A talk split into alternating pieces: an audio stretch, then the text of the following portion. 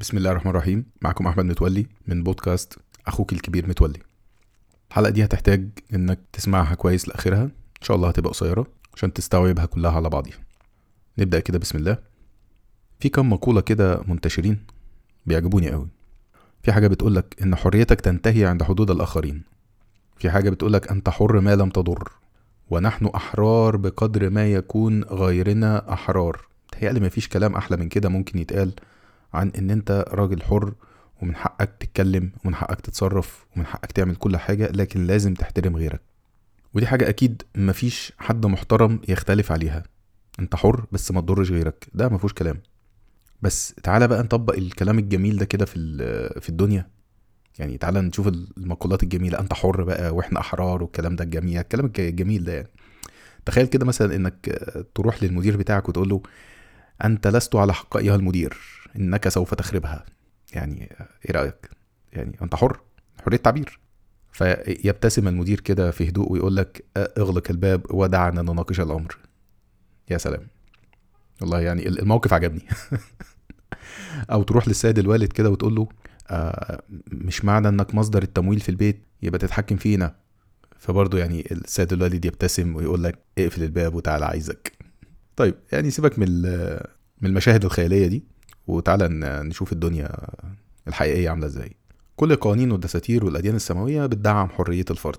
طب يعني برضه هو ليه في قوانين أساسا في الدنيا بتتكلم عن الحريات؟ يعني هو اشمعنى الحريات اللي محتاجة قوانين؟ الإنسان مثلا بياكل ويشرب مفيش قوانين بتنظم عملية الأكل والشرب دي. مفيش قوانين بتقول إمتى الإنسان يحق له إنه ياكل وإمتى ما ينفعش ياكل. حتى ولو في قوانين سطحية عندنا بتمنع الأكل في أماكن معينة للحفاظ على نظافة الأماكن دي فبس مش ده المقصود. المقصود هو تنظيم حق الأكل. مفيش قوانين كده خالص. أنت من حقك تاكل من غير ما ده يبقى مذكور في أي قانون ومش هيحصل إنك هتتحاكم مثلا بتهمة إنك أكلت زيادة أو اتعشيت محشي الساعة 12 بالليل مش هيحصل لك حاجة. فإشمعنى بقى حرية التعبير والتصرف؟ والله لأن حرية التعبير والتصرف ممكن إنها تمس الآخرين. يعني ممكن كلامك يبقى جارح لغيرك. تصرفك يبقى ضار لغيرك فلازم تحاسب على كلامك وتاخد بالك من أفعالك. طيب لو ما خدتش بالك وما حاسبتش على كلامك أكيد غيرك ده هيزعل. ولو غيرك زعل فده هيؤدي إلى مشاكل بين الناس وبعضيها.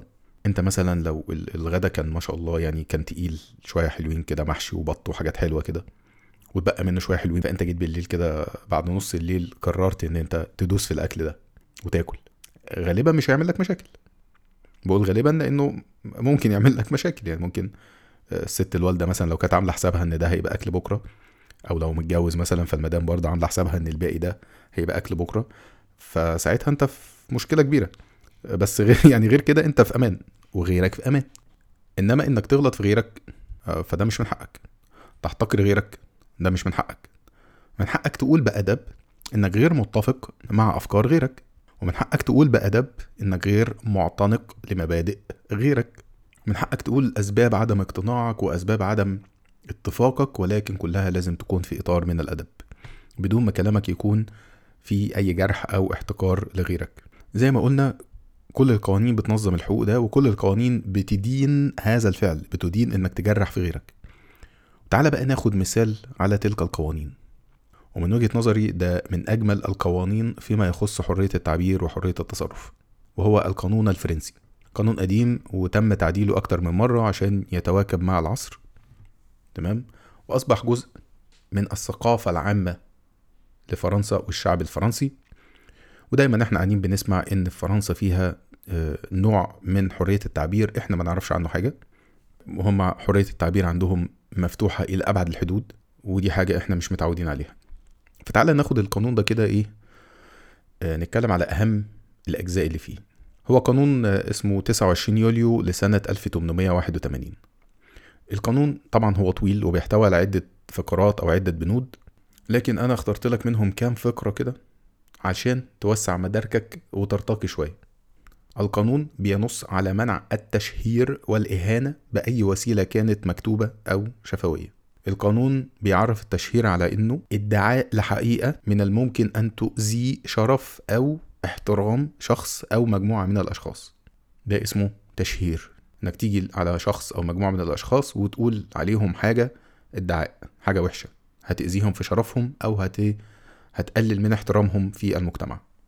والقانون بيعرف الإهانة بقى على إنها أي تعبير هجومي أو ازدراء أو تحقير لا يستند إلى أي حقيقة. طبعا الكلام مش محتاج شرح. ويعتبر من التشهير أيضا التصريحات أو الجمل اللي هي أصلا حقيقية لكنها عن حياة الشخص الشخصية. يعني مش مجرد إن أنت بتطلع تكذب أو تحقر شخص أو بتقول عليه حاجة مش حقيقية لأ ده حتى لو حقيقية لكنها شخصية قوي لا يجوز إنك تتكلم عنها. ده كلام جميل قوي. من الحدود الموجودة في قانون حرية التعبير الفرنسي أن من يقوم بالتحريض على ارتكاب جريمة فسيتم محاكمته على أنه متواطئ في تلك الجريمة سواء بقى بيحرض على السرقة الاعتداء الجنسي الحرق تدمير ممتلكات وغيرها من الأفعال اللي بتتعمد وضع الآخرين في خطر. والقانون بينص على عقوبة فيها حبس وغرامة مالية. حتى لو الجريمة نفسها لم تتم والجرائم دي بتشمل الجرائم اللي هي ضد الإنسانية. في تعبير كده جرائم ضد الإنسانية ليها وصف في أماكن معينة ممكن تقرأ عنه. فلو أنت بتحرض على حاجة من دي وأنت قاعد في مكانك بأي طريقة فأنت تعتبر متواطئ وهتتحاكم حتى لو التحريض بتاعك ده ما جابش نتيجة. من بقى أجمل الحدود كمان اللي موجودة حدود اللي هي حدود حرية التعبير بتتكلم عن خطاب الكراهية. لما حد يتكلم بكلام فيه كراهية القانون بيمنع تماما خطاب الكراهية واللي هو بيعرف بأنه تحريض على التمييز أو الكراهية طبعا والعنف ضد شخص. أو مجموعة من الأشخاص بسبب أصلهم أو بسبب إنهم ينتمون أو لا ينتمون إلى عرق معين أو أمة معينة أو دين معين. يعني لو جيت لشخص عشان هو بينتمي لدين معين هندوسي جيت حقرت من شأنه أنت كده تحت طائلة القانون في عقوبة حبس وغرامة. أو لو جيت لشخص عشان هو العكس بقى مش هندوسي فأنت حقرته عشان كده. أنت مش هندوسي زي ما إحنا هندوسيين مثلا. ففي الحالة دي برضو أنت بتقع تحت طائلة هذا القانون. لا يجوز إنك تحقر من شخص أو تحرض على العنف ضد شخص أو مجموعة من الأشخاص عشان هم بينتموا إلى دين معين أو عرق معين أو حتى أمة معينة. وطبعا من الحاجات ال ال يعني المهمة في الحدود في حرية التعبير هو إن لا يجوز إنك تشهر بالقوات المسلحة والبحرية والقوات الجوية والمحاكم وهيئات الدولة الرسمية والإدارات العامة. وده نص قانون. يعني ده ال ال الحاجات اللي أنا قلتها دي مكتوبة كده مذكورة في القانون بالاسم. لا يجوز إنك تشهر بتلك الهيئات هيئات الدولة الرسمية دي. وده يعني طبيعي الدولة لازم يبقى ليها هيبة. لو في اعتراض على حاجة يتقال بشكل محترم. ما يتقالش بشكل فيه تشهير أو ازدراء أو احتكار ولا يكون فيه إدعاء. من أجمل بقى ما تم ذكره في هذا القانون اللي هو أنا بعتبره كله جميل هو إن حرية التعبير لا يجب أن تحتقر النشيد القومي الفرنسي أو العلم الفرنسي. النشيد القومي الفرنسي محدش يتريق عليه. العلم الفرنسي علم البلد محدش يتريق عليه أو يسخر منه. في عقوبة حبس وغرامة على من يسخر من العلم الفرنسي. قانون حرية التعبير. حرية التعبير ليها حدود. ده في القانون الفرنسي. الثقافة الفرنسية اللي دايما بنسمع عنها. هم مختلفين عننا يعني دايما هتلاقي ناس بتقولك أصل الفرنسيين عندهم حرية تعبير مختلفة عننا إحنا مش متعودين عليها. أنا بجيب لك حرية التعبير اللي عندهم عاملة إزاي.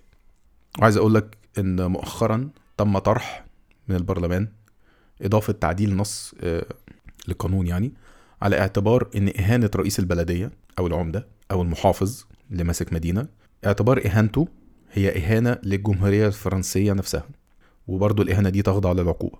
طبعا أنا ما عنديش فكرة إذا كان النص ده تم اعتماده ولا لأ بس ده كان نص مطروح في البرلمان وده تفكيرهم دي طريقة تفكيرهم ده اللي هم التطوير الجديد اللي عايزين يطوروه.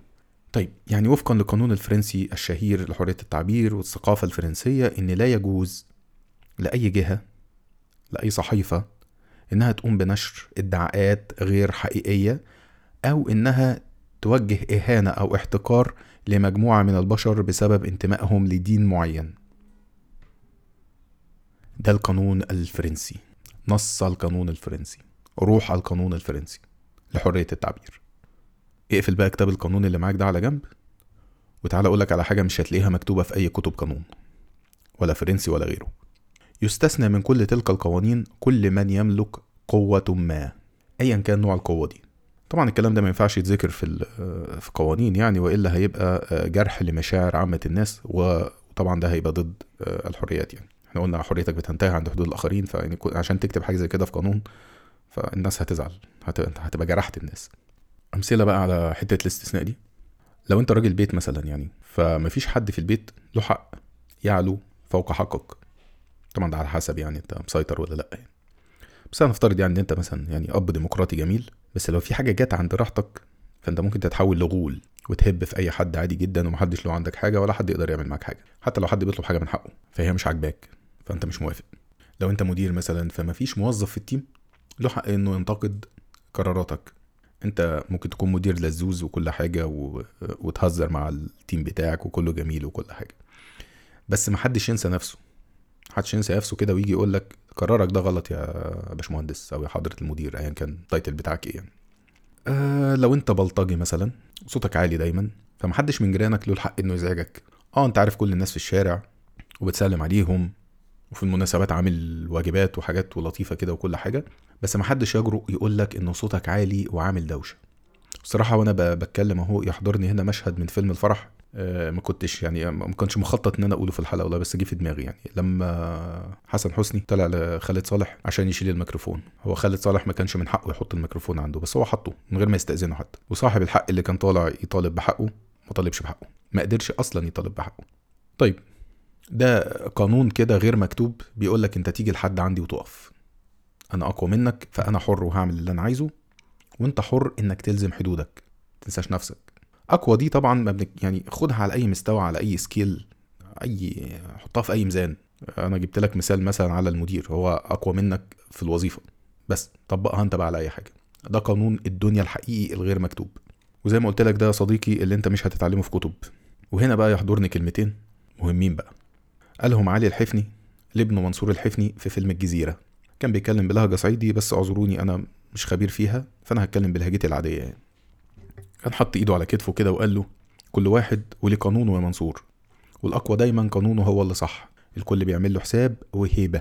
لازم تكون الأقوى علشان تفضل على طول صح. يعني آه، اكاد من فرط الجمال وأذوب. أي كلام تاني يتقال بقى بعد الكلمتين دول هيبقى تضييع وقت. الحلقة دي أساسا تضييع وقت. كان ممكن نكتفي بكلمتين الراحل علي الحفني وهم فيهم كل الزتونة. نقفل بقى على كده احتراما للكلمتين دول. سلام.